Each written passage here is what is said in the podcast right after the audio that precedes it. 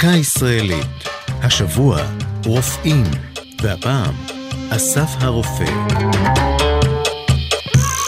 ספר הרפואה של אסף הרופא הוא הספר הרפואי העברי העתיק ביותר, ובו מאמרים המתורגמים לעברית שנכתבו החל במאה הראשונה לפני הספירה וכלה במאה השישית. בספר הועלו על הכתב תורות רפואיות עבריות שנמסרו בעל פה.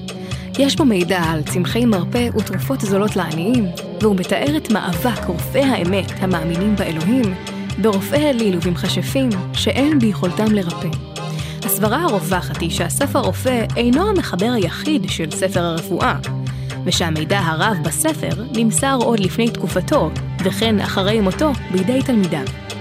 יש השערות סותרות בנוגע לזהותו של אסף בן ברכיהו, אולם מקובל להניח שאסף חי בצפון ארץ ישראל לא לפני המאה השלישית ולא יאוחר מן המאה השישית. בספר מובאת גם שבועת הרופא של אסף, הנלמדת עד היום בלימודי הרפואה בארץ.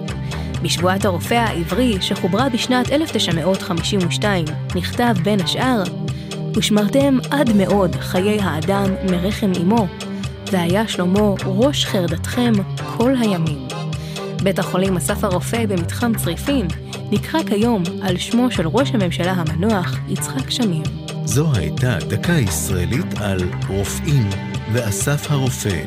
כתבה עמליה נוימן, ייעוץ הפרופסור אבי אורי, ייעוץ לשוני הדוקטור אבשלום קור.